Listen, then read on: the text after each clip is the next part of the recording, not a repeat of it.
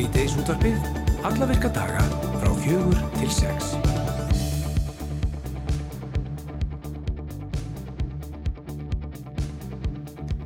Komið sælir kæru lustendur og velkomin að viðtækjánum. Það er Sýteis útvarpið sem heilsar og með ykkur í dag eru Hulda Geistóttir og Andri Freyri Viðarsson. Við rættum við Gauta Jóhannesson, fulltrú af sveitastjórnar á Tjúbói í vor vegna skorts á salernis aðstöðu fyrir ferðamenn á staðnum. Bæjarbúar og rekstrar aðalar bensinstöðar bæjarins höfðu fengið nóga því að fólk verða að létta á sér við og jafnvel á bensinstöðuna. Við fylgjum þessu máli eftir í dag og heyrum í Inga Ragnarsinni sem að sittur í heimastjón. Það eru nefnilega vendingar í stóra klósettmálunu. Já, og seint í gerkvöldi bárust þau gleði tíðindi fyrir kvikmynda unnendur og bíófara landsins að tónabíó myndi opna aftur í náinn í framtíð. Sýningum í tónabíói var hætt á nýjunda áratöknum og síðustu öld og þá var salurinn lagður undir bingo. Eitt fórsvarsmanna tónabíós er Sigurður Snorarsson og hann ætlar að koma til okkur eftir og segja okkur allt um þetta. Akkurat, fórstu okkur til henni bingo? Ég fór aldrei í bingo en ég fór í tónabíó. Já, já, já, Já. Ég fór aldrei í tónabíó en ég fór í bingo. Já, og fljótar átt að með því ég átt ekki séns. En bara, sko, bara 15-20 spjöld á borði og bara... þar voru atvinnu, atvinnu fólk að bingoast. Ótrúlega færi bingospilar. Já, En í dag er 50 dagur og þá fyrir við í jarmvikunar eða memi-vikunar og Alli Fannar Bjarkarsson, okkar maður á þeim vettvangi, hann færir okkur eitthvað af öldum internetins. Já, það verður spennandi að heyra og það er líka spennandi að heyra fornleifa rannsóknum undir vatni á þingullum. Þetta er verkefni sem að miðar að því að greina og kortleggja fornleifar sem voru áður á landi en hafa farið á kaf vegna landsigs í Sigdalnum þarna. Og til þess að segja okkur eitthvað að þessu er engin annar betri en Einar á Sæmundsen þjóðgarsvörður. Hann ætlar að líta við hjá okkur hérna eftir og segja okkur nánar að þessu og við ætlum líka að spyrja hann bara út í já, aðsókn og álag á þingvelli nú þegar ferðamenn flikjast til hansins. Við eh, fáum til okkar knaspitnukonuna Ólöfu Sigriði Kristinsdóttur eða Ollu Siggu. En hún og Jón Jónsson, tónlistamæður og fyrir um knaspitnukappi, stýra sjónvarsættinum Fóbolta Akademian Spark. þar sem að þau fari yfir ímis undurstöðu aðtrið knaspinnunar og kenna á, áhugasömmum ímis triks. Eh, við heyrum meira, meira því hérna eftir. Já, en við ætlum hins vegar að byrja þáttinn í dag á því að ringja austur á hérað og þar ætlum við að heyra í Bergrúnu Örnu Þorstinsdóttur aðstóð skóarverði á Austurlandi. Við erum forvitin að vita meira um skóardaginn mikla. Góðan daginn Bergrún. Já, góðan daginn. Sko skóardagurinn mikli, þetta er eitthvað, eitthvað svona stærsti viðburður ykkar auslendinga, er það ekki? Já, þetta er einn af þeim. Eh, Hérna, við höfum haldið skóadaginn mikla frá 2005 og duttu þetta tvö COVID-ár út en í fyrra komum við að fullu af stað aftur og þetta er sem sé annarskiptið eftir COVID. Já. Og, og þessi dagur, hann fer fram á, á laugardag og, og, og hvað verður hann í, í gangi? Það er, eh, sem sé bara að, að fólk komi og njóti að vera í skóginum. Síðan er verið að eldbaka lummur og gera ketilskaffi fræga sem við skóamenn notum við mikið. Já, og síðan verður byrjað klukkan fjögur á morgun að grilla nautið. Þar koma nautgripabændur og grilla held naut á grilli. og tekur það bara tæpan sólaring að grilla það? Já, það tekur svona um 20 tíma. Já. Þú talar hann um eldbakar, lummur og svo að fara að grilla heilt nöyt og svo vorum við að sjá hérna fréttum fyrir ekki lengur sinni það var stór hættulegt að fara með eldtatinn í skóin. Já, það er auðvitað hættulegt en við erum, eldstæðin hjá okkur eru mjög vel varinn. Það er möl allt í kring og, og það er allir vari á Já, slökkutæki og allt saman til staðar. Að, og kunnandum mennaverki. Já, ég eh, var um að segja hultu hérna frá því hérna áruna þátturinn fór lottið að eh, ég held einhvern veginn á þessari hátíð fyrir einhverjum árum síðan þá kveiknaði nú bara í nautinu bara eins og að lagði sig. Er þetta bara eitthvað liðasega? Nei, þetta er ekki lega saga. Við vorum þetta óhættin eitt árið. Já. að hérna, það kviknaði í nautinu var það svona það vel nokkrir það var bæði vel allir og svo voru við kannski ekki alveg með réttu ólíuna, matarólíuna maður þarf að passa hvað matarólíja maður er að smyrja á nautið Já, já, já. En, að hún tóli þetta já, já, mistök eru til að læra það vendala og þetta gerist þá ekki aftur. Nei, það er allur varinn núna Já, og búið að passa alla þessa þætti já. en Og svo, svo koma söðþjóðbændu veitni líka og þeir hérna grilla lambakjött og bjóða. Já, já, þetta, þetta hljóma nú mjög vel. Þetta er auðvitað í Hallómstaðaskógi sem er skóurinn með stóru essi getur við sagt fyrir austan Já. og, og Já. það er ekki bara verið að grilla og, og bjóða upp á veitingar heldur verður þarna líka keft í skóarhöggi. Já, Íslandsmeistar í skóarheggi, það hérna verður Já, og hérna og það er búið að keppa í fjöldamörg ár e, í, e, í skóarheggi þetta og að byrja metið? fyrir skóadaginn. Það er metið, sko, þú far refsistig ef þú fellir ekki á pinna, ef þú ákvistar ekki rétt, eh, ef þú kúttar bólinn ekki rétt niður. Hluti af skóarhögginu er út í skógi þar sem þú fellir lifandi tré og setni hlutin er á, á hátíðasvæðinu sjálfu og þá ertu að saga skífur og, og nota exina til þess að fella tré eða sem sé bú og þú ætti að taka ból í sundur og svo þarf þetta að hitta eggið Já, já, það þurfa að kljúa egg í tvent Já, takk. já, já, og hérna, já, og það er auðvitað list að hitta eggið Einmitt. og að það brotni. já, já. Já. Sko, ég eh, heldur sem að gleyma hérna að minnast á eitt aðalatriði því að það er ammælisbarn á sveðinu. Já, það er stórt ammælisbann. Það er nefnilega eitt sem er 50 árinu og hann er eiginlega búin að fylgja okkur eiginlega flest allar skoða held ég. Já, það er, það er hann Klói. já, kókamjölku klói sjálfur, 50 ára gammal. Já, Verður hann Já. sæðinu? þetta, þetta er já, hann já. rösta. Hann verður vonandi ekki Hann klófin í herðanu. missir ekki á skóðadeginum. Nei, ég skulum vona ekki. Hann missir aldrei á skóðadeginum, sko. Nei, nei, nei, nei, nei. En nú vitum við að í, í mörgum löndum er, er það að vera skóarhaugsmaður er bara uh, stórt, stór atvinna og bara margir sem vinna við það. Það hafa nú kannski ekki verið mjög mörg sem vinna í fullu starfi við að vera uh, skóarverðir eða skóarhaugsfólk hér á Íslandi en er þetta breytast? Er þetta til dæmis bara starfsmöguleiki sem ungt fólk geti hort í að, vinna við skóana? Já, þetta er alltaf, þetta er atvinnugrein sem er alltaf að stekka og eh, sem sé þú þarft í rauninni kannski ekki, sumir eru skóðhaugsmenn og svo eru skófræðingar sem er að mæla og svo er þetta auk, mjög mikil aukning á útplöntun og skóaplöntun og þetta er orðið bara stór, er bara mjög stekkandi atvinnugrein því að skóarnir okkar eru að vaksa og við erum byrjað að fá timbur út úr skó, skóunum Mm -hmm. ekki bara eldi við, heldur borð og það er byrjað að byggja hús úr íslensku við. Svo að við stöndum svolítið á tímamótu núna að við erum að sjá hús reysa úr íslensku við. Já, þetta er, þetta er, þetta er spennandi og, og mikil uppbygging í, í þessari grein, alveg, alveg greinlega.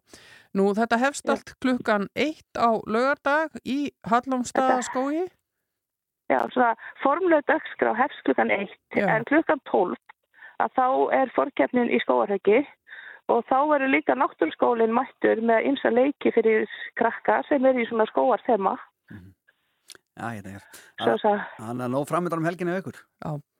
Já. Já, Það er að draga fram kaplokkurskýrturnar. já, já, já, já einmitt. já, Er nú takk? er bara að verið að taka til og, og gera allt klárt. Já, einmitt, ekki segna þetta.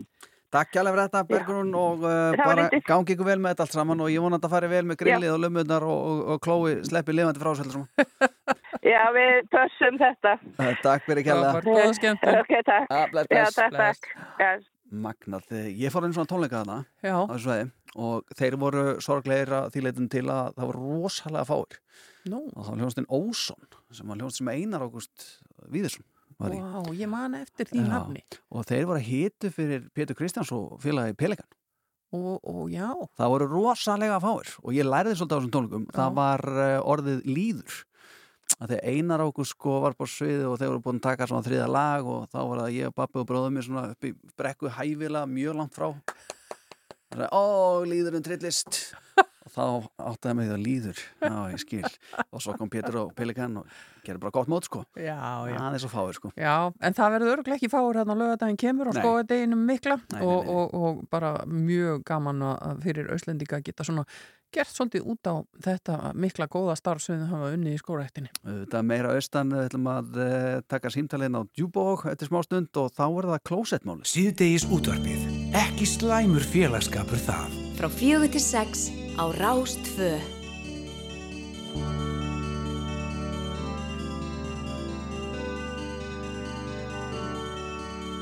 Ég vakna oft oftast þreyttur Varla með sjálfum mér En ég veit að er til annan líf En það sem ég lifi hér. Og þrá mín hún vakir Meðan þokan byrgir mér sín. Mér vistir í eitthvað annað En góða nóg að tjekka og vinn Á fisknum lifir þorpið Þoskurinn er fólkinu allt. Það þrælar alla vikuna Vaðandi slór og salt. Við væri bandið í standamenn En þeir finna þar enga ró. Flestir þeir ungu komnir söður Þar sem af draumanum er nóg. Langaði maður vetur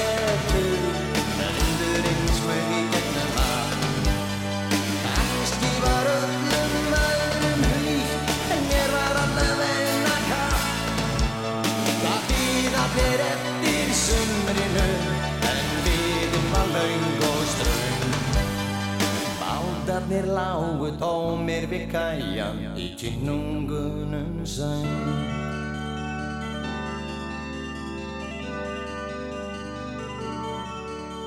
Fadir minn átti drauma sem dóu fyrir lítið þér. Mér dreymdum að verða manni en ég náð honum aðeins í nér. Ég gleymi seint þeim augum, gínandi botlaust tón. Gamall maður fyrir aldur fram með brostinn hrjúvan róm. Þegar ég var rétt orðin sautján Um sumari barst mér frétt Að sæta dúkan Hans bens í gröf Væri orðin kasólétt Nætugnar urðu langar Nagandi óttinn með. Neldur ég gat ekki tekið tilbaka Það sem hafði skér Langaði maður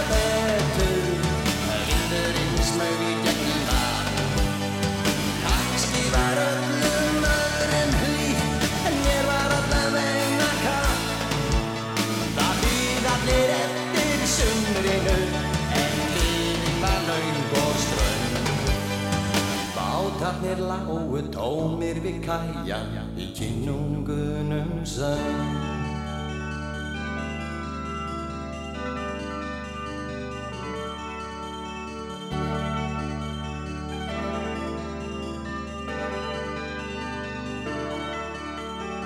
Aldrei fór ég suður, alltaf skorti mig þor. Hvert einasta sumar var því frestað, svo kom haust og svo vetur og vor. Nú er ég kominn á plani og ég pæli ekki neitt. Ég pakla mínar tunnur, fyrir það ég fæ víst greitt. Ég hugsa oft um börnin mín, bráðum kemur að því að þau býð ekki lengur þau fara, ég er ekkert sem heldur í. En koma tómir bátarnir og bræðslan stendur auð, baráttan er vonlaus þegar miðin er döð.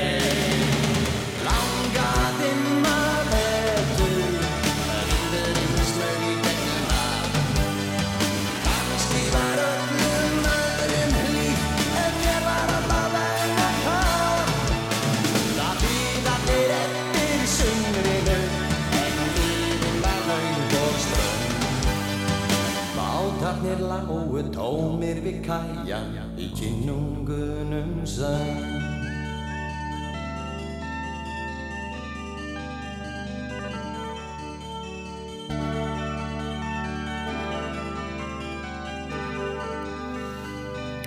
Bubbi Mortens og lægið Aldrei fór ég suður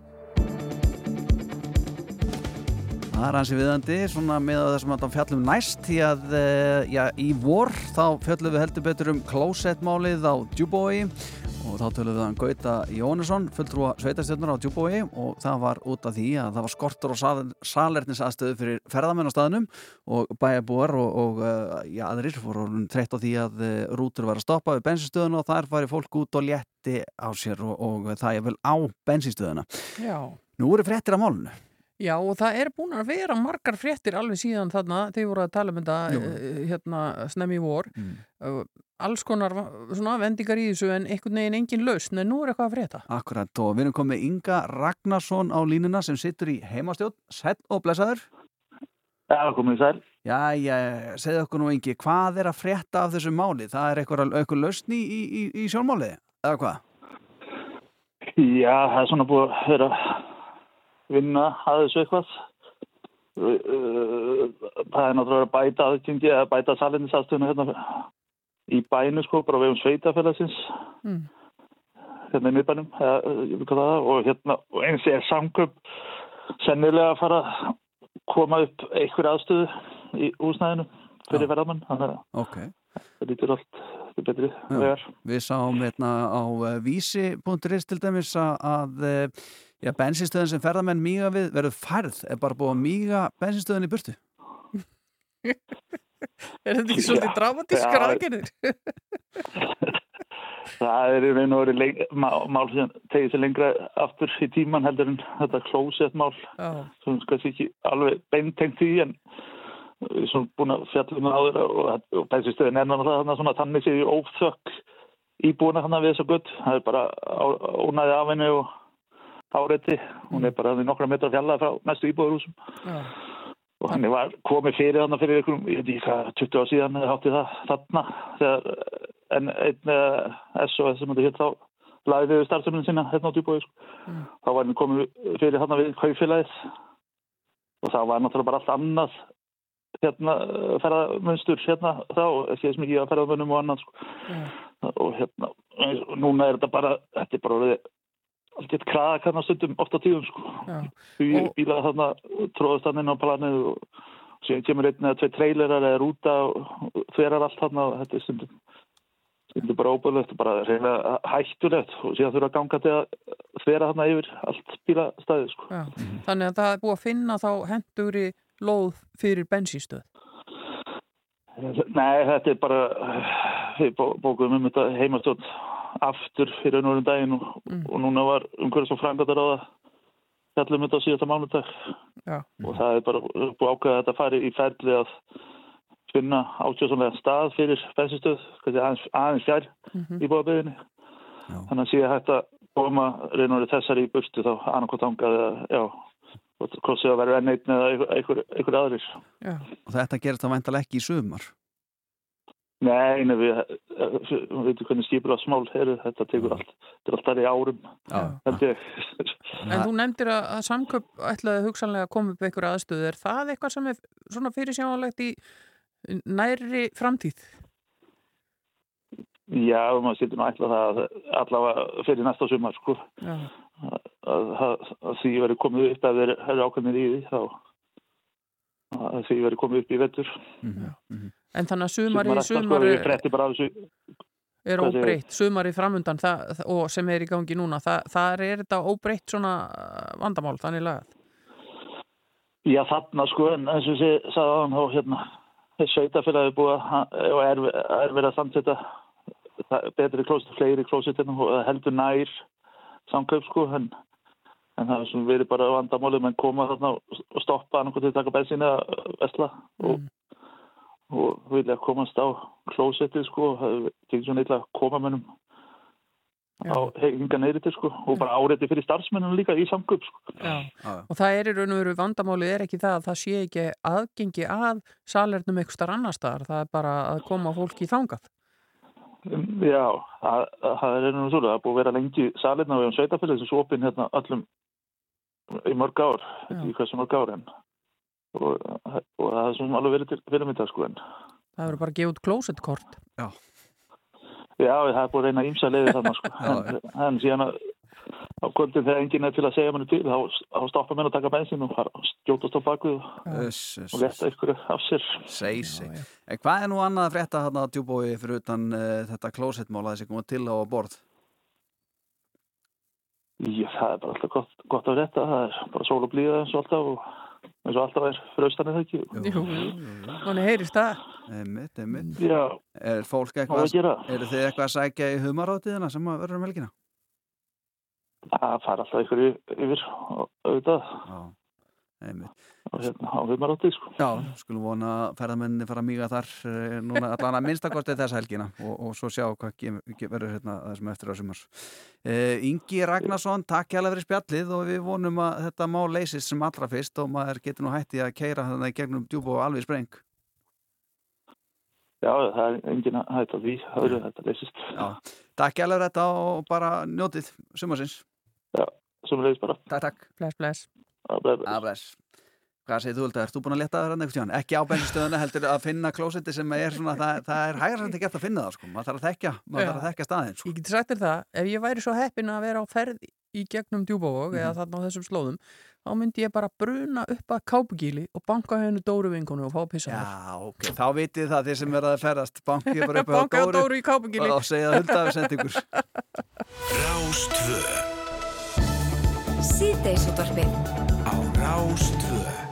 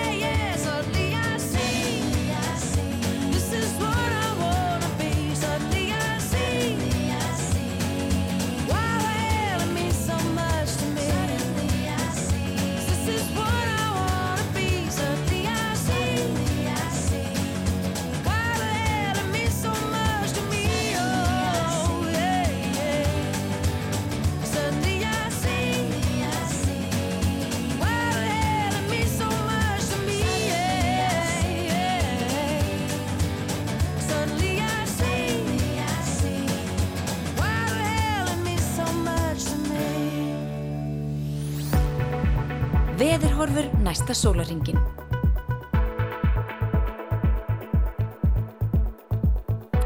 Ingi á djúbói var að ljúa því okkur hérna að vera sól fyrir austan eða var hann ekki að ljúa þér? Getur þú sagt mér eitthvað um það? Við, við far hérna á öllu landinu næsta sólaringin eða svo? Sko þegar ég skoða kortið bara núna sem er sett hérna upp fyrir klukkan 5 spákortið þá er nú freka bjart yfir þarna á hans slóðum það er alveg örglega engin lígi en það er hins vegar spurning hvað framhaldið er. Og ef við lítum á viður horfur á landinu þá segir hér fremur hæg, breytilega átt skíjað með köplum eða bjartviðri og víðast þurrt en söðaustan 8-15 og rigning sunnan til á landinu í kvöld. Mm. hitti yfirleitt á bylunum 10-18 stig svo rigning í flestum landslutum í nótt en talsverð rigning söðaustalands spurning hvort það nær alveg á byggjúbóð eða stoppar þar eitthvað neðar Suðaustan 5-10 á morgun og viða dálitlar skúrir, áfram rigning á Suðausturlandi en skýja með köplum eða bjartviðri um landi norðaustanvert, hitti á bylnum 10-18 stig en hitin alltaf 23 stigum norðaustalans. Já. Þar eru við bara hlýrabólnum að grilla nöyt bara í Hallumstaðaskói á lögadaginn. Svo finnst þú skrítið að kókamálku klóið sé að allt upp á 50 ára amalsitt þarna. Hann er bara, hú veist, hann er bara búin að fara í heilrökun. Já, já.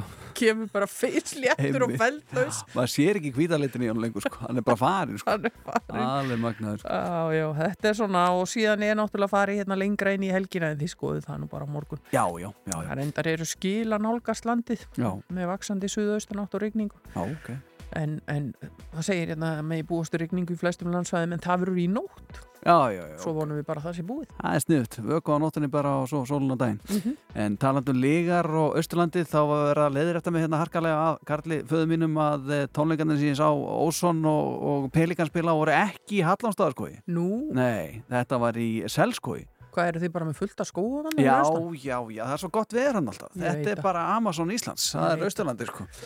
En það er nú eitt og annað sem hefur gæst á þessum degi, 20. júni og við kíkjum ofta á það hérna þegar við förum í, í veðrið og hendum í eitthvað svona einhverjum staðrendum og það er nú gaman að segja frá því að þessum degi ára 1970, þetta er dagur sem að Led Zeppelin spiluð á tónleikum í lögatarsöll uh. og nú gapa kannski margir og haldaðu að tala um þetta hérna um daginn en uh, það er ekki svo,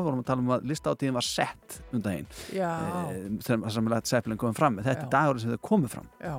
og uh, já, svo nú líka ágætt að segja frá því þetta tengist ekki Íslandinu en, en þetta er sá dagur uh, árið 1986 þar sem að uh, heimurinn sá sjálfa hönd Guðs skora mark í knaspinu Akkurat. Með aðstofum Maradona. Akkurat. Og þetta var á HM í leik uh, Englands og, og, og Argentínu. Já og þetta var talið innan gæðslapa Mark Aldarnar Já, ógleimalegt aðvik heldur betur. Og uh, svo árið 91 á þessum degi þá var það á Snæfellsjökli þar sem að hjón fjallu í, í aldjúpa sprungu en var bjargað sem betur og uh, meira af knaspundinni Er, þetta, þetta er dagurinn sem að eh, Katalans Íslands í knaspindu komst í 16 leiða úslitt í Európa-kemni í knaspindu með 2-1 sigri á Östuríki Ég get ekki líst í hvað ég öskraði svaðalega ja, yfir þessu.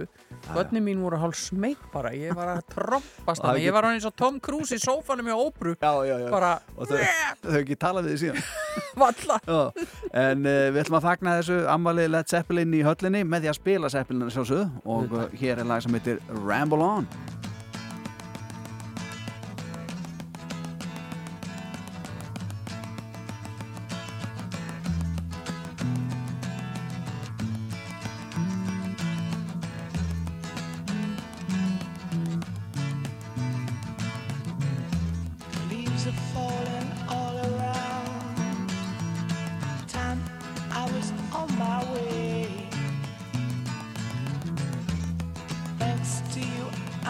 much obliged. Such a pleasant stay.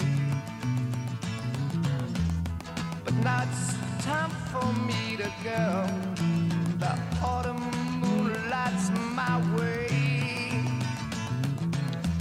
But now I.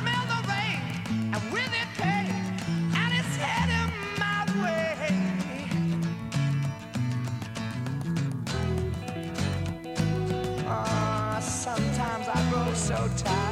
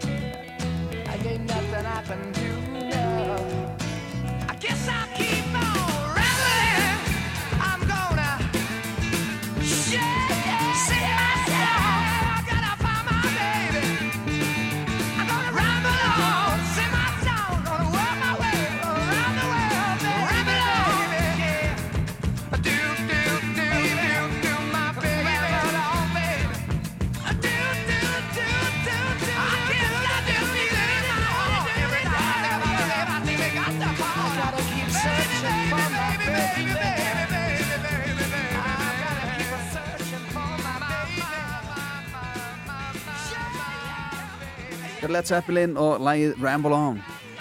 Já, já, við erum búin að, að, að við byrjum út á landi og við ætlum að halda okkur, halda okkur út á landi því að uh, við ætlum að færa okkur samt af Austurlandinu og yfir á Þingvelli. Það stendur nefnilega til að fara í fordleifa rannsóknir undir vatni á Þingvellum og þetta er sérstaklega verkefni sem miðar að því að greina og kortleggja fordleifar sem voru áður á landi en eru núna farnar já, á kaf bara vegna landsiks og, og, og svona breytilegra aðstæðina í náttúrunni og við höfum fengið einar á Sæmundsen þjóðgarsvörð hérna til okkar og ætlum að hann að segja okkur aðeins frá þessu og, og svona kannski fleiru varðandi þjóðgarðin núna þegar mesta kannski aðsóknin og álægið er í gangi. Velkomin. Já, takk fyrir að bjóða mér. Ef við byrjum á þessari fordleifaransók sem er framundan, kannski einhverju leiti byrjuð, eh, hvað er á að fara að skoða þarna og hvað gætu þið fundið? Já, þetta er nú þannig að það má kannski segja að þessi, þessi rannsókn er svona einlega sjálfstætt framhald ef við tölum með framhaldsmynd eða framhaldsverkefni. Við höfum verið í fordlega skráningu á landi já, í mörg ár í svona róliheitum og hefum nýlega skilað einn skýslu sem var gerð undir stjórn Margreðar Hallmundsdóttur fordlega fræðings um fordlegar á Þurulandi. Mm. Það er allt frá þingkelgin út í öll, öll, öll kvot og hér og þar á þingvallum. Já. En þetta hefur svona blundað í okkur tölvöld lengi, vegna þess að við vitum eins og allir að það hefur verið landseg á þingvöllum og það er talið að landsegið á sögulegum tíma frá upphafi alþingis hafi verið svona, já, það er svona 3-4 metrar. Já. Og 3-4 metrar með fram mörgum, með fram ströndinni eru oft uh, kannski 100 metrar út. Þannig að það hefur svona blundað í okkur að skoða hvort að fordleifar á landi ná lík út í vatn. Og í raun og veru þetta verkefni var sett saman af góðum manni írskum neðansjávar fordlega fræðingi Dr. Kevin Martin sem býr hér á landi. Hann hefur aðeins verið með okkur í svona sulli, sulli á þingvöldum skulum við segja. Og það var, hann bjóð til skemmtilega verkefnislýsingu í vetur sem er svona snýra því að raun og veru skoða með ímsum tækjum og tólum strandlengjuna alveg frá Ós, Öksarár, allt austur í, í austur undir Vellaköllu í Vassviki við erum í rauninu ekki í þessu verkefni að feta okkur inn á þingstæðin þar að segja upp öksar á núna Mhm. eða út í gjárnar inn á þingstæðin sem er náttúrulega alveg augljósir uh, geimslu staði mögulegra forleifa við ákvaðum að prófa þetta bara með ströndinni og við í rauninu hvað við teljum við getum fundið, við vitum að það eru á ýmsum stöðum mannvista leifar eins og út í vaskoti, það er bara mjög þekktur veggur þar sem tegi sig 100 metra, góða 100 metra út í vatnið Já. sem fór bara á bólakaf í lók 18. aldir eða 1780 í 1789 í jarðskjaldunum og þannig að það er bara svona hefði augljósa að þar er veggur og, og, og við vitum svo sem ekki hvar annars staðar svona laga getur hérna e, leinst. Við erum með svona líka augun á vellanköllu sem að e, kannski margir þekkja inn í Vassviki, sérstaklega þeir sem að fara þar um ríðandi, þar hafa menn brint hrossum í þúsund ár Mm. og einhvern tímann vaknaði ég höfðin á mér því ég kerið þar framhjá og hvort að mögulega vellankalla fyrir þúsund árum hefði geta verið tölvört utar og fór nú sjálfur og svamlaði þar einhvern mann út og taldi mig hafa fundið að leifar einhverju eh, smá rústar fyrir utan Já.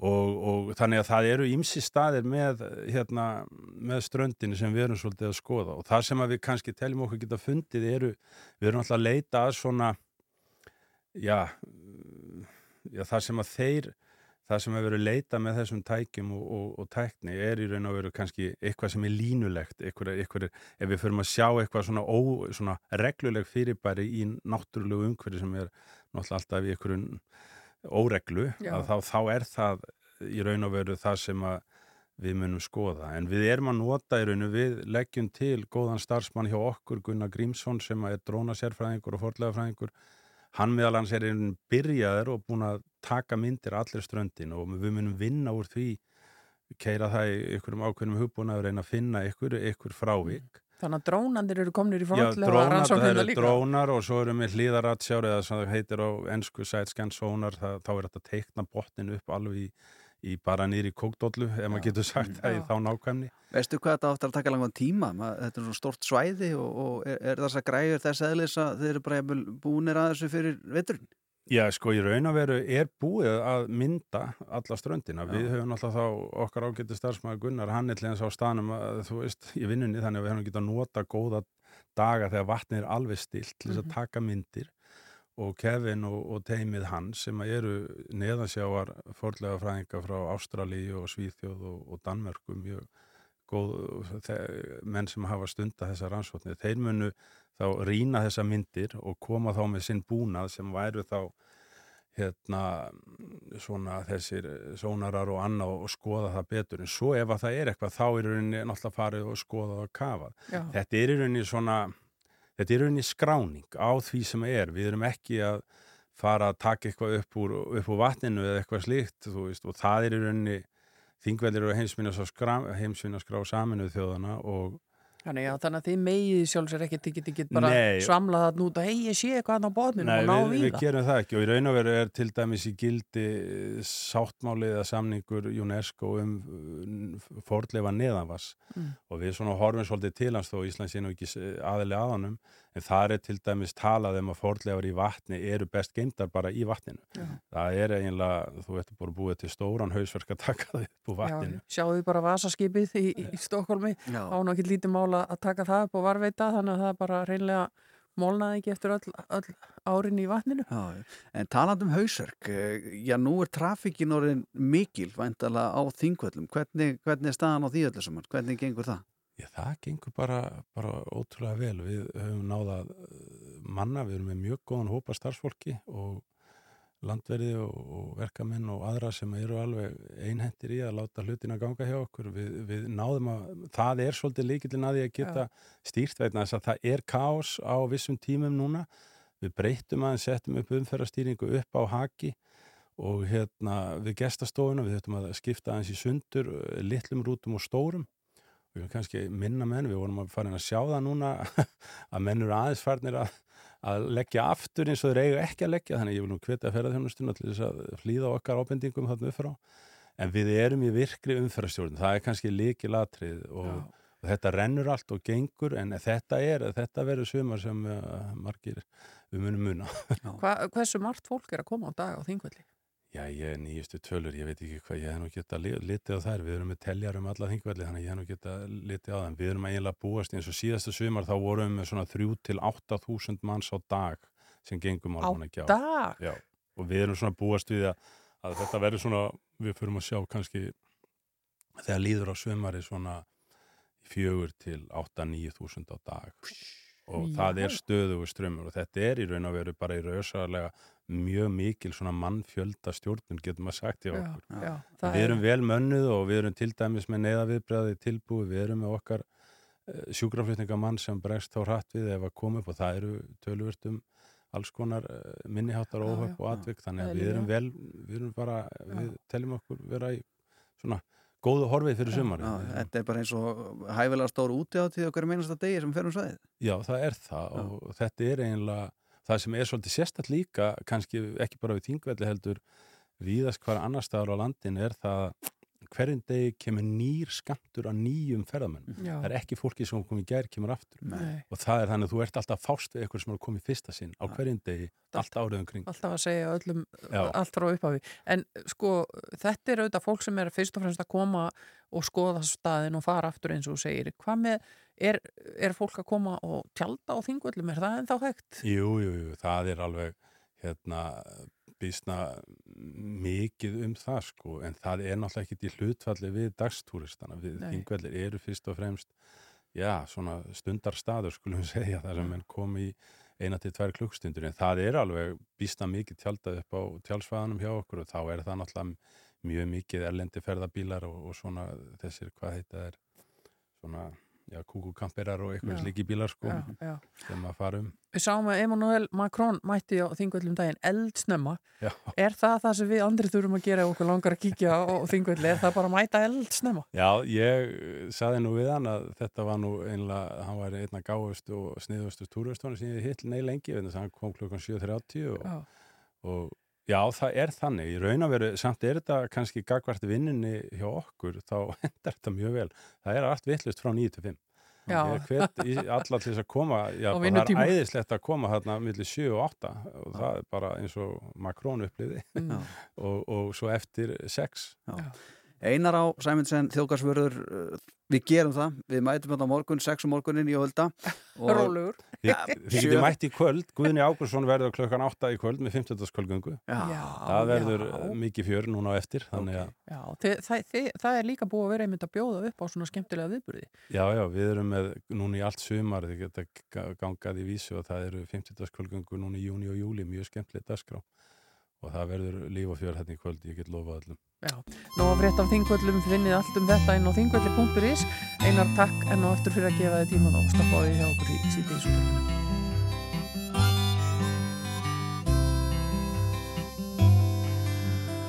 Afi gamli sagði stundum sögur. Um sæfara á kröppum ólgu sjó Þeir sögðu hver við annan. Nú liggur lífið við. Að gerum betur. Að gerum betur. Gerum okkar, gerum okkar, gerum okkar, gerum okkar besta. Og aðeins betur ef það er það sem þarf. Já, við gerum okkar, gerum okkar, gerum okkar, gerum okkar besta. Og aðeins betur ef það er það sem þarf. Við látum hendur standa fram úr ermum. Hendur standa fram úr ermum. Látum hendur standa fram úr ermum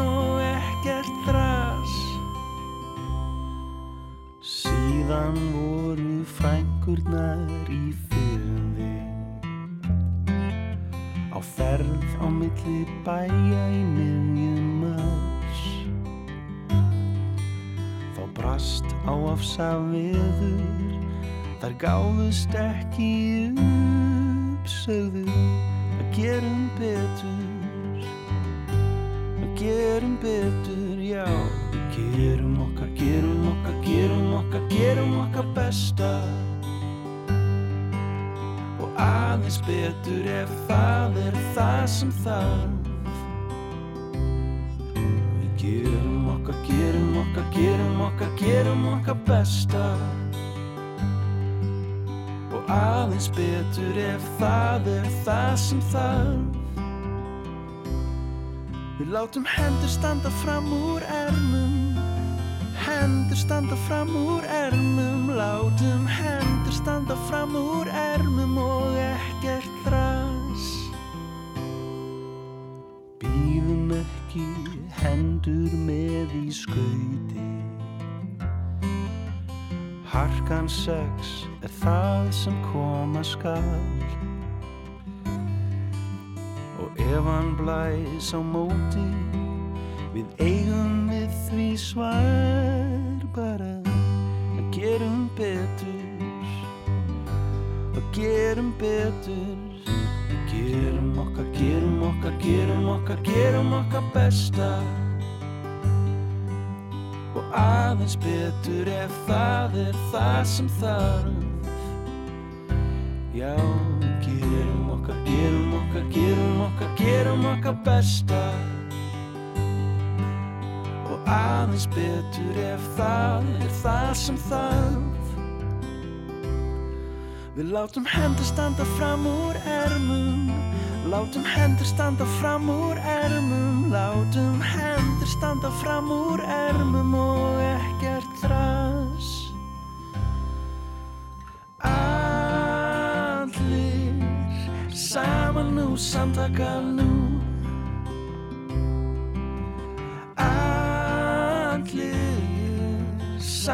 nú, samtaka nú Þetta er Snorri Helgarsson sem er að gera sitt allra besta Já. og ég veit að eh, Sigurður P. Snorrason, hann er líka því og hann er líka mættur, sæl og blessaður og velkomin í síðtisúttarpið. Já, takk fyrir. Að bærast, þær fréttir í, í gær að uh, tónabíó var aftur að opna og þú ert nú einn af þeim sem með lúkunar í því, ekki sett? Jú, uh, heldur betur. Við erum með sem sagt brugghús í þessu húsnæði, skipla 33 og við ætlum að opna í Andriði þar sem áður var popkotsalan í tónabjóm, Mm. nýja bruggstofu fyrir brugghúsu okkar. Er þetta þá bjór og bíó? Svo er bíósalur hérna líka, gamli bíósalurinn og sem er búið að nota sem bingosal núna síðustu 30 ár. Já. Hann er ennþá nótkunn, eða sem við munum taka hann aftur nótkunn sem viðbjörasal fyrir tónleika uh, bíósýningar, kannski svona meira kultsýningar eitthvað slíkt, Já. uppistand og kannski ráðstöfnur og eitthvað slíkt, má hafa þannig. Já, já. og svo ætlum við líka að reyna að spila þarna kannski smá bingo. Já, já, já, já, Við erum æstu við því bara að, að það verið endur koma á bingósins líka. Já, það er með, með svona dálítið nýju afbreyði af bingo. Já. svona, það er spennandi að segja frá því. Já, og sko að því ég ætla að fara að spyrja þið um sko hvort að, að, að þetta er sko bíósalu líka og þið eru að búa til ykkar eigin bjór hvort að þið værið þá að vinna í því að gera bjór sem að maður þarf ekki svona mikið að kasta af sér þegar maður drekkur sko, þannig að maður geti notið myndarinnar án þess að vera í spreng en þá kemur hinga inn og sýnir okkur eitthvað allt annað. Já, nei, það er því mér ekki búið að finna upp þannig bjór en, en við erum hérna með alveg, við erum með nýjung, nýjung sem við ætlum aðeins að kynna núna Já. sem er bingobjór bjórin heyr til bingo og hann kemur í dós og dósin er bingospjald. Það eru 2000 mismunandi bingo dósir í gangi í hverju skipti þannig að það er hægt að spila á dósina bingo. Þannig að Andri, þú varst að lýsa þetta aðan þegar þú fórst eins og í bingo og, og, og þú mættir þetta bara pró bingospilurum sem voru Já, bara með já. 15-20 spjöld. átt ekki í séns Þannig að við erum bara að fara að kaupa þrjár, fjóra kippur Já, í einmitt, bingoið. Kans, okkar- kannski ekki mæli ekki með svo miklu magni en kannski svona eina, tvær dósir. Þannig að það verður ennþá í, í húsinu verður uh, svona haldi í það gamla því að sína bíó og spila bingo Já, og við erum svona líka dálítið að halda í það gamla, gott skildi segja það, Mm. því að salurinn er semst, sem við erum með niður í andrið, það er verið að færa það svona í áttað upprunlega útliti. Það var allt, þetta var tekið nótkunn 62 og þá var tekkið já. Endurbætur voru gerðar upp um 1986 líklega og þá var tekkið dálítið tekið út og mála yfir. Við erum búin að taka aftur tilbaka Mm. og bæta í og gera þetta svona glæsilegt og salurinn á að líta út eins og stiga inn til 1960, svona eins og þetta sé falin salur sem er nýbúið að uppgöta. Stígur aftur í tíman bara. Já, og er, þetta, er, þetta er ótrúlega glæsilegt sumt sem er hérna. Ég var að lesa til dæmis um sögu bíósins og þegar það opnaði þá að tala um að vera glæsilegt en áðans að vera mikill íbyrður og ekki eitt miklu pening í þetta. Mm. En þegar maður horfir á þetta í dag og hugsa sko, hver fyrir að setja sko, fleiri og fleiri hurður og massífi tekki, hver loftið þarna í salnum er ótrúlega smíði af svona ringjum, við heldum að þetta væri stálringir en þetta reyndist vera allt formbeigður viður. Þetta er alveg bara ótrúlega sko glæsilegt að sjá þetta hvernig þetta er orðið í dag. Einmitt, eh, sko við hérna sem hér setjum ég að hulda með stökusti okkur hefur aldrei verið leift inn í frímúrarhúsið. En maður getur ímyndað sér að það sé einhvern veginn svona lítið út eins og salun þannig í bingosalunum og bara vinabæri eins og hann var og tónabíó Já, ég sko, skal ekki segja, ég hef ekki komið ánga heldur Nei, ó, ég var að vona að segja, ég er nú í frímúrarreglum ég get nú sagt þér það, en, en svo var nú ekki Hann myndi samt ekki segja okkur að það var Nei, náður akkurat, akkurat. En það sem að, sko ég er að velta fyrir mér er hversu stór salur er þetta? Nú er mikil umræði gangi bara um skort á, á uh, sölum og stöðum þar sem hægt er einmitt að tróða upp og vera með uppistand tónleika, leiksýningar eða hvað sem er. Hvaða stærð er þetta? Hvernig, hvernig myndi þetta eða er erfitt að átta sig á því. Eh, Þetta var sem sagt bíósalu uppræðanlega með hallandi gólfi og bíóbekkjum. Eh, Þegar bingo opnar, eh, ger ég ráð fyrir, svona 1990, þá var það tekið út og settir básar í staðin til þess að það væri hægt að sitja við borðu og spila bingo. Já. Ef við það er öll borð tekin út og sett upp sætaraður bara í básana, þá sé þetta að koma fyrir alltaf 300 manns í sæti. En svo er þetta að hafa mismunandi uppsetningar, hægt að hafa borðin eða jafnvel bara kannski standandi aftast eða eitthvað slíkt. Já. En það er alveg, já, við erum að gera áfyrir svona um 300 manns hámark. Já, Þannig að þetta er kannski bara uh, eitthvað sem að er virkilega velkomið inn á þennan markað. Ég held að það sé mikið þörf á þessu og eins og segir salurinn, hann býður upp á nótkun á fyrir, fyrir margskonar viðbyrði ekki kannski leikúst því að það er engin, ekkert baksvið en það er hægt að hafa tónleika bæði á sviði og svo, svona gólf fyrir fram að sviði þar sem að það er hægt að koma fyrir stærri hljómsveit. Mhm. eh, Bíósýningar eru á tjaldi, tjaldið, ég, ég held að þetta sé hluti af upprænlega bíótjaldinu sem er ennþá en það er búið að skera þetta aldrei verulega af því út af því að set, út af nýru uppröðun en það er alveg sem sagt sviðið er til dæmis líka alveg henduð fullkomið fyrir hluti eins og uppistand og, og, og slíkt. Mhm. Og hvenar opna svo salurinn? Hvenar getum við fengið að sjá þetta í allir sinni dýr? Þegar svona byrja allan að fara í andirið? Sko, uh, það sem að snýra mér er sem sagt staðurinn niðri, sem sagt brugstofan okkar, hún er tilbúin því sem næst, það er verið að býða eftir útæktum og svo leiði veitingum og allt það. Það getur alltaf tekið nokkra vikur og nú eru sumafrí, maður veit ekki hvernig það er.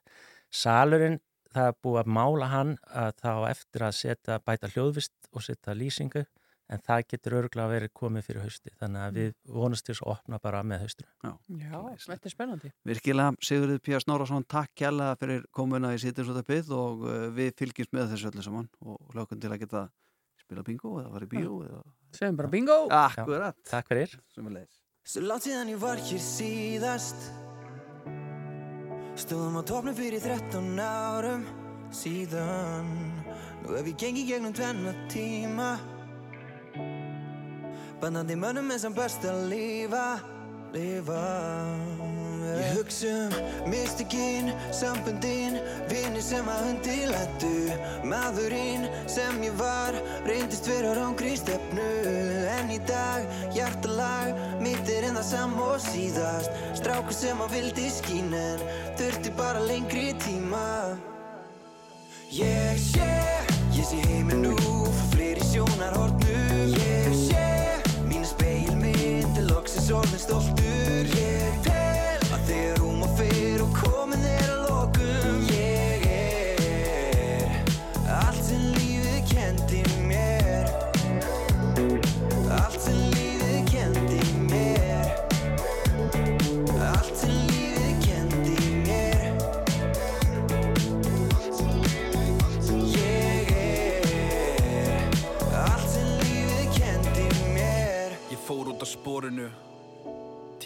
sannleika sagt, var fastur í fortíðinni og ég tók flöskuna fram yfir allt. 13 ár, þúsund ár Allir hafa djöful að draga Allir hafa einhverja sögu Og mín byrjaði á komdu tilbaka En ég læri alltaf meira. Lífið stækkar, tíminn læknar. Sárin gróa, árin róa. Ég vil meira, ég vil heyra. En ég stopp ekki og ég hætt ekki. Alla trúa mig, ég er fljúandi Eins og fyrildi yfir heiminin Pappi sjáðu mig, litla strákið þinn. Ég sé, ég sé heiminn nú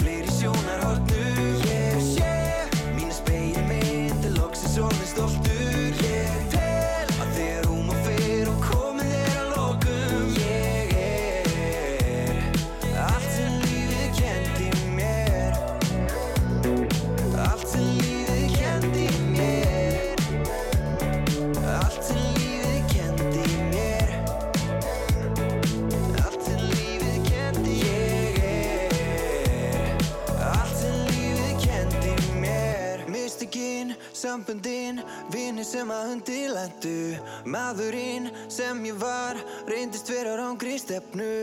En í dag, hjartalag, mitt er enn það sam og síðast. Strákur sem að vildi skín en þurfti bara lengri tíma. Þurfti lengri tíma. Ég sé, ég sé heiminn nú, fyrir fleiri sjónarhornu Ég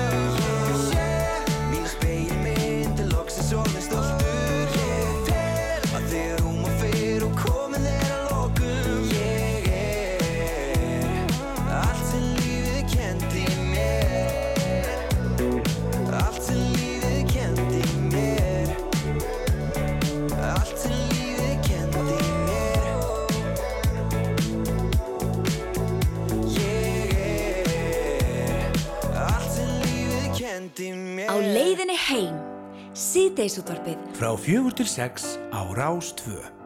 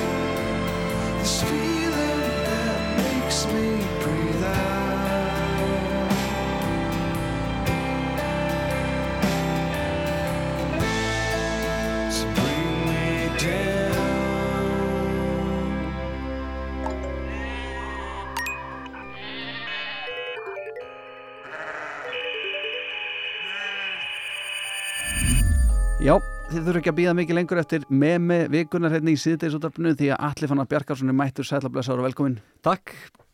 Meme vikunar. Uh, hér er fjallað um hluti sem að storma um samfélagsmiðla, oftar en ekki. Já. Ferstutum aðeins út fyrir á alnetið sjálft, út fyrir ramman, allt í góð með það því að allt á þetta heima á internetinu. Hvað ætla að fjalla um í dag? Nú er það auðvitað kapaturinn títan. Já. Ég held að það sé alveg borlegjandi, vegna þess að, já, við erum búin að sjá ótal fréttir um kapaturinn sem að, sem að, svona skoðuna kapatur sem að skoðar Titanic, Mhm. fimm manns inn í, inn í þessu, þessu, þessu litla hilki eru, eru tínt Mm. og súrefnisbyrðnar minka með hverju mínúndunni og þetta er þetta alveg skelverðt mál en það er alveg, já, svona skelverð og bara svona hrollvekjandi mál, ég held ég Mhm. svona, með, með, svona, með erfitt að lesa að allt svona sem hefur að gera með svona að vera inni lokaður Já. En það er svo magnað þegar svona gerist einhvern veginn og, og að þá hvernig samfélagsmennandi grípa þetta að þetta er komið út um allt þar Mhm. og maður einhvern veginn fær eins og bara á TikTok núna og Twitter og Facebook og öll að maður, bara, maður veit allt, í einu allt um hennar kapot maður er búið að grafa upp sko viðtölu fólk sem hefur farið inn að kapot að bara grafa umfjallarnar um kapotin Mhm. við vitum öll að þessum kapoti er stýrt með einhverjum, einhverjum annað leikjatölvu stýripinna uh, það sem er vist hræðilegast við þetta hún er lokað sko með þarna skrúum utanfrá Já. það er ekki hægt að opna hann innanfrá þó maður sé komin upp, það verður einhver að opna hann utanfrá sem einhvern veginn gerir þetta Ah. ennþá hræðilegra Mhm.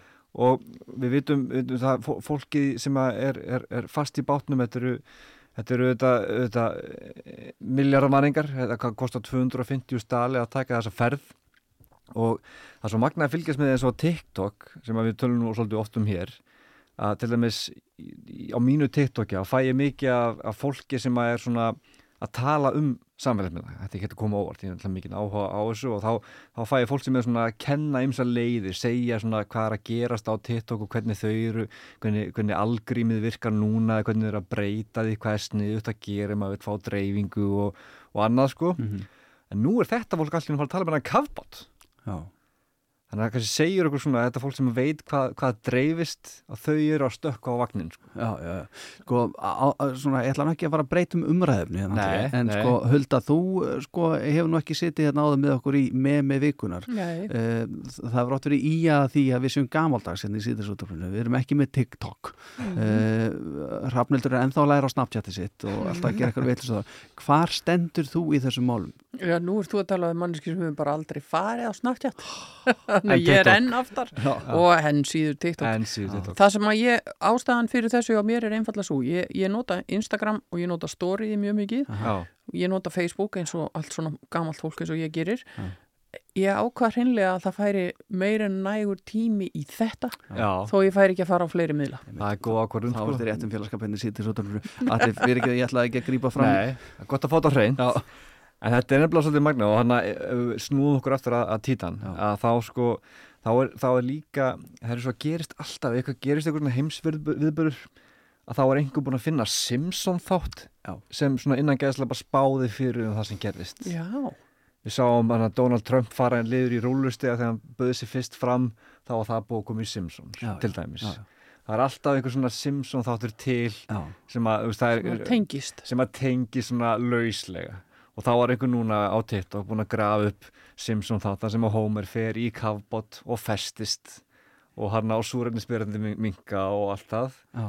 í svona einsmanns kafbott einhverjum Já, já. þannig að þetta er svona hvernig sko meiri segja, við erum ofta léttum nótum hérna, en meiri segja svona einhverju svona, svona hrollveikandi skelvilegi viðbörur Já. verða að einhverju svona internet sko fyrirbæri Mhm. og það svolítið segir svolítið mikið um samtíma okkar einhvern veginn að við erum, erum alltaf orðin einhvern veginn svona ónæm fyrir, fyrir slæmum fréttum við, bara, við, við hérna neytum þeirra bara alveg daglega í tonnavís Já, já. og svo er það ekki, segir það ekki ímislegt um okkur að svo koma einmitt hræðilega fréttar fimm manns bara sem er að súrefnið minkar bara með hverju mínútunu þau eru tínd, veit ekki, og finnast þau aldrei Mhm. og það er búið að setja eitthvað svona Simpsons grín með það og Akkúrat. það er búið að Akkúrat. gera eitthvað svona alls konar þetta er, þetta er svona, þetta er svona dökka hlið með með vikunar, myndi ég segja. Þetta segir okkur það að, að eh, samfélagsmiðlar eru sálalusir Já, þeir eru að mörg, svona, mörguleiti svona, svona í eðli sínu svolítið siðblindir sko. Mm. hvernig hérna, það má ekki maður, það, maður, það eitthvað, eitthvað gott gerist og þá er hérna byrjuð að rífast um það. Þetta er einhvern veginn svolítið svona þeir, eru svolítið svona afhýbandi svolítið um eðl okkar. Mhm. og, og ég vil svona meina að, að, að kannski ef ef þeir hefði aldrei orðið til, fólk er aldrei að segja þetta var, þetta var, svona var þetta bara í, í, á kaffistofunum og eitthvað. En kaffistofunar, það heyrði enginn hvað er í gangi þar í gangi þannig að kannski vissu við minnum hvort annað og það var kannski bara svolítið fínt. Já, já, já, indislegt En hvað með þennan samanburð sem er búin að vera í gangi á, á annars vegar flótta manna bát, bátum og síðan ríku fólki sem fyrir skoðanaferði niðan Mm. sjáar sétir skemmtunum.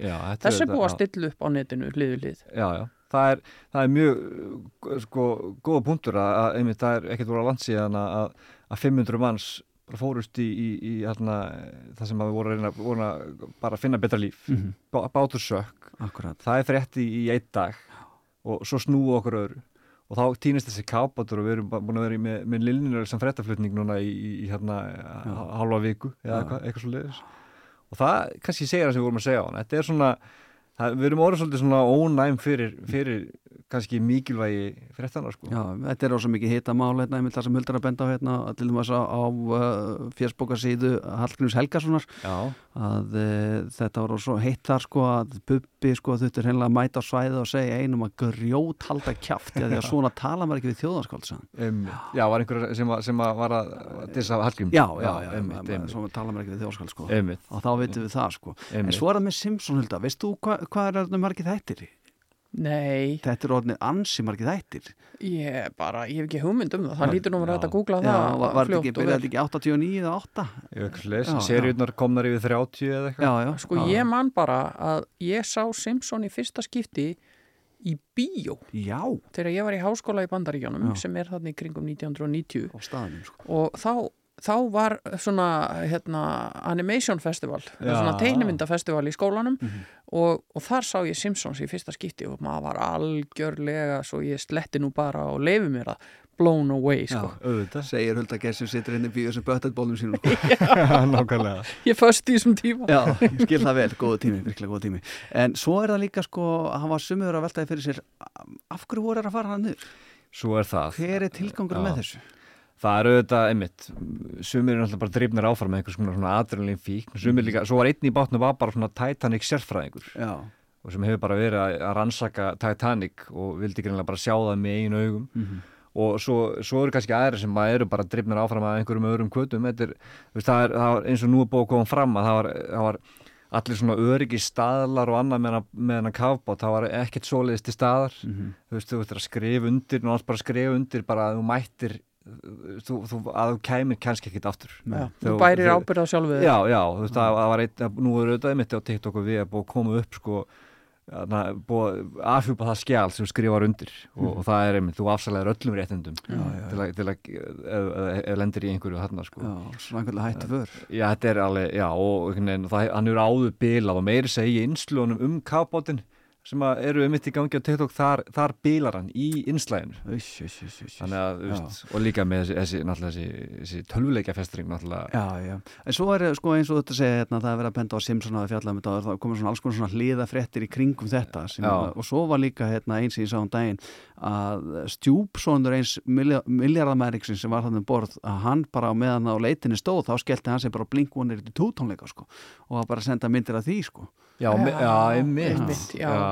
Það er svona, verið vera að búa til alls konar fréttir í Já, já, eins og gerist. Það er, einhvern að alltaf, það er líka sko, á máli með internetið sko, er að sa, svona samingi hlutuna týnist. Þannig að í, í hliðar að frétta frumskóðinu. Já, já. En eitt vitum við þó að eh, á einhverjum, einhverjum díambúti þá kemur út stórmynd um þennan atbyrð.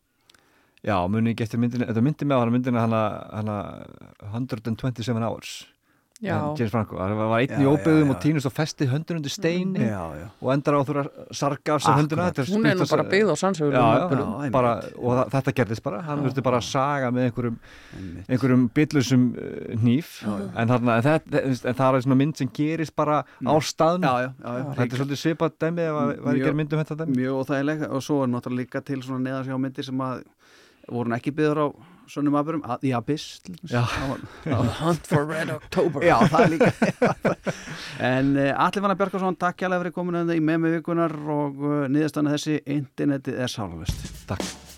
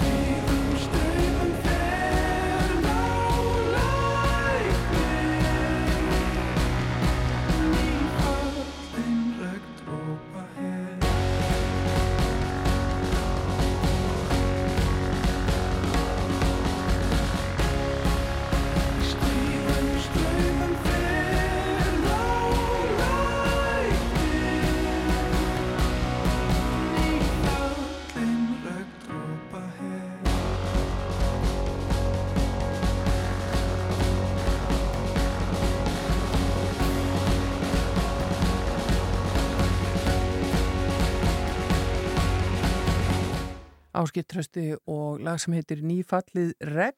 En við ætlum að snúa okkur að knaspinu hér næst og höfum fengið frábæran gest til okkar knaspinu konuna Ólufu Sigri Kristinsdóttur eða Ollusiku eins og hún er gætna kölluð.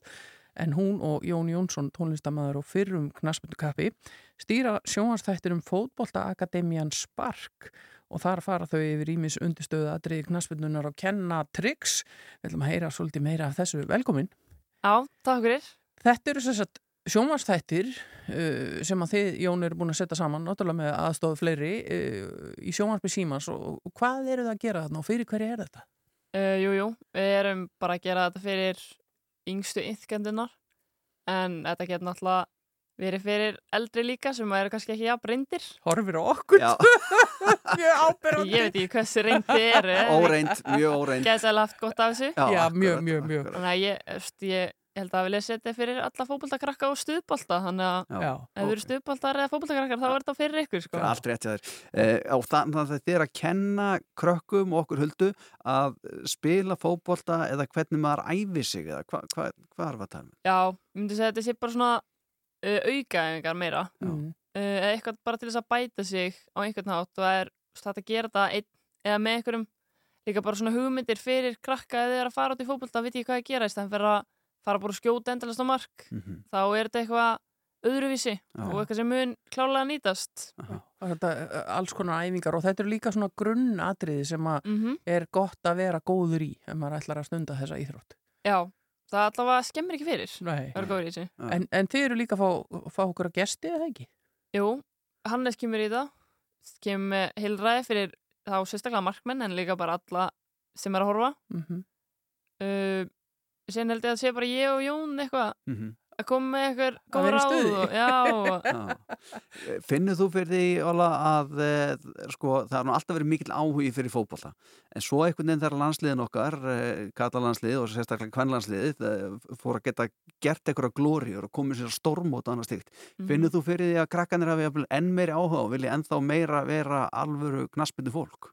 Já, klála ég finn alveg mun frá því þegar ég var lítil. Þá var náttúrulega handbóltinn stærst og þeir voru úst, á olimpíuleikunum og Mhm. ég var úti á fótbolta þetta leika mér í handbólta Mhm. þykist vera guðanvalur eða eitthvað.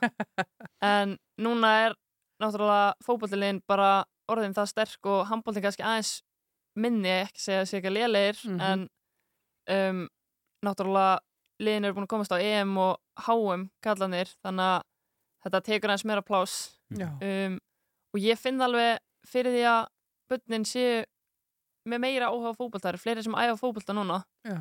og nánast flest börn sem hafa einhvern tímann eftir fótbolta Og það er náttúrulega mikilvægt að vera með allskynns fyrirmyndir. Þetta sé ekki bara, bara karlar sem við höfum sem fyrirmyndir Mhm. í, í knarsmyndunni. Uh, nú eigum við flottar fyrirmyndir í kvennaboltanum og, og, og þú ert einn af þeim og, og, það er mikilvægt að, að stíga fram og vera sínilegur þannig að ekki bara stelpur, heldur bara öll kyn geti hort til fjölbreyttra fyrirmynda. mm Já, mér finnst það mjög mikilvægt og ég tek mér til dæmis alltaf tíma að tala við krakkana eftir leiki og hef gefið þeim skó og svona uh, það er líka bara gaman að gefa þeim skó sem hef ég ekki nót fyrir þessa skó lengur þá bara um að gera einhver annar geti Já, já. Setta verið á ánægð hillu, með þá. Mm. Glatt eitthvað. já, þannig að mér finnst þetta allavega mjög mikilvægt Já. og ég vinn líka með bönnum þannig að mér finnst mikilvægt að það er góð fyrirmynd Já. Og það triksið er að gefa krökkum skó Heri, já, ekki hefna- nammi, nammi er átt Já, við hefum notað skó Það er bara skór og, þú veist, sína þeim áhuga, spjalla aðeins við þig. Já, það snýst um það auðvitað, að, að svona gefa af sér Mhm. og, og hérna vera til staðar. Já. Vist þú við því að eh, ég nú ertu búin að stíga þinn fyrstu skrefi að vera fyrir framann uh, sjómasmyndaðalar Já. Býstu við að gera meira af þessu í framtíðinu? Er eitthvað, er eitthvað í kortunum? Uh, nei, er ekkert í kortunum. Uh, en ég sé það alveg fyrir mér, sko. Já. Ég, ef ég get hægt að starri myndalina, þá held ég að það sé bara flottur karriér eftir fótboltan, sko. Þetta var star í myndalunum Já, ég er eitthvað svona. Já, það er kannski ákveðt að kenna fólki hvað það að gera já, svona já, já, já, en uh, ég það alveg fyrir mér, sko. Uh, ef ég get bætt með þessi því. Já. En þú ert ung, ég meina það er langt í að þú farir að hugsa um einhvern annan feril eftir fótboltan, það er nú ekki alveg komið að því. Nei, nei, nei, en ég er að fara samt út uh, til bandarækjana í háskóla. Já. Þannig að það er allavega einhver grunnur í því. Já, og, og verður þar væntalega þá að spila fótbolta? Já, sjálfsög. Þetta er auðvitað tækifæri sem að, sem að e, sko, þetta opnar alveg ótrúlega mikla möguleika fyrir ungt íþróttafólk að komast á þessum styrkjum eins og til bandarækjana og fá að æfa þar við topp aðstæður. Já, bara algjörlega sko, þetta er alveg bara tækifæri sem ég gæti ekki satt neyfi. Og hvert er þetta að fara? Eh, Ég er að fara uh, í Harvard. Já, sæl! Svona bara eins og maður gerir. Já, ég er að fara þangað. Já. En þú veist, það er mjög stór skóli og virtu skóli Mhm. og en ég, það, ég held að flesti myndi bara segja já ef að Harvard kemur og ber pláss en ég þurfti alveg að hugsa maður um bara út af fótboltanum Já. að það er svo stór partur í lífið mínu þannig að ég þurfti alveg smá tíma áður en ég ákveða að fara Já, stóra ákvörðun. Já. Og hvað ætlar að læra? Um, mér langar að læra sálfræði Já. þannig ég, held, ég stefna að taka BS þar í sálfræði Já. Og þá, þá ertu kannski líka að byggja upp ákveðin feril sem að getur tengst inn í íþróttinnar því að það Mhm. er auðvitað ekki lítil sálfræði í því að spila keppnisíþróttir að hæsta stíi. Nei, ég sem myndi bara segja heilmikið partur jafnvel meiri partur heldur en að nota líkamann sjálfan Já. Einmitt. Og ég held að þú verið góður sálfræðing líka. Þú meina þú lest okkur huldins opna bók, kemur inn, sest niður, segir við sem léli í fótbolta, það bara stemmir og við getum ekki nei. Og ég, ég sálfræðin er að tala hulda mín og svo segir líka við sem stuðbolta, það passa líka. Þannig að Já. ég, ég held að sé allt bara, ég held að sé komið þar. Ég held Já, að já. bara vera grænni greinan út í Harvard. Já, takk. Ég, ég ætla nú ekki að bera mér saman við Ólfur Siggu eða hennar félaga en ég var alveg þokkalega slarpar í Ókei, fótbolta ókei. og, og æfði alveg bara fram eftir aldrei sko. Já, okay. En ég veit ekki með þig, Ég ég að þetta. rugli sko. Ég sé það á þér, ég sé það á þér, ég les það Já, les það Ég langa leiðin. það. Ég fór mér sér háskóla í bandaríkjónum. Akkurat, annars Ég er vissi það. Já, akkurat, hún var búin að sjá það e, Þannig að það er að sjá þess að þætti ykkar Jóns á, uh, í sjónvarpi Símans uh, Fótbolta Akademian Spark Þetta er stuttið þættir Þannig að uh, þeir taki ekki mikið að tímanum hans Þannig að meiri tímum til að æfa triksinn í þáttunum uh, Ólöf Sigriður Kristinsdóttir uh, eða Olla Sigga huldaði með eina loka spurningu Nei, ég ætlaði ekki að spurja Nei. neitt meira. Ég veit að hún veit þetta. Ég ætlaði bara að benda á það því Já. við erum að tala um knaspindu hérna Já. og hvenna knaspindu meðal annars. Að það er viðburðu núna á eftir. Bara um leiða þættunum líkur. Klukkan 6 til hálf 8, Já. 18 til 19.30. Þá verður opið heimavellinum fótboltaveslunni og þar verður Karolína Lea sem er nýgríndur Þýskalandsmeistari með bæinn München og eina af þessum mikilvæga fyrirmyndum okkar. Og hún uh, ætlar að vera þar að árita og taka móti uh, ungu knaspunda áhuga fólki sem að getur fengið að taka myndir og fengið áritanir og svona. Og, og þetta er í faksafinni 10 Já. og, og kannski er Olla bara að fara beint þanga, við veitum það ekki Já. en allavega við erum þakklátt fyrir þessa flottu fyrirmyndir, ekki, ekki bara í kallaboltanum heldur, í kvennaboltanum líka. Það sjálfsögðu, allra að gefa henni sko uh, Nei, Já. hún á nóa skó. Takk Þarf hérlega. ekki skó. En já, hún er betri ég kíkir kannski á hana Já, hún er betri samningin en ég kíkir kannski á hana. Gerðu það og gangið vel í Harvard og með framtíðina. Já, takk fyrir sömulegis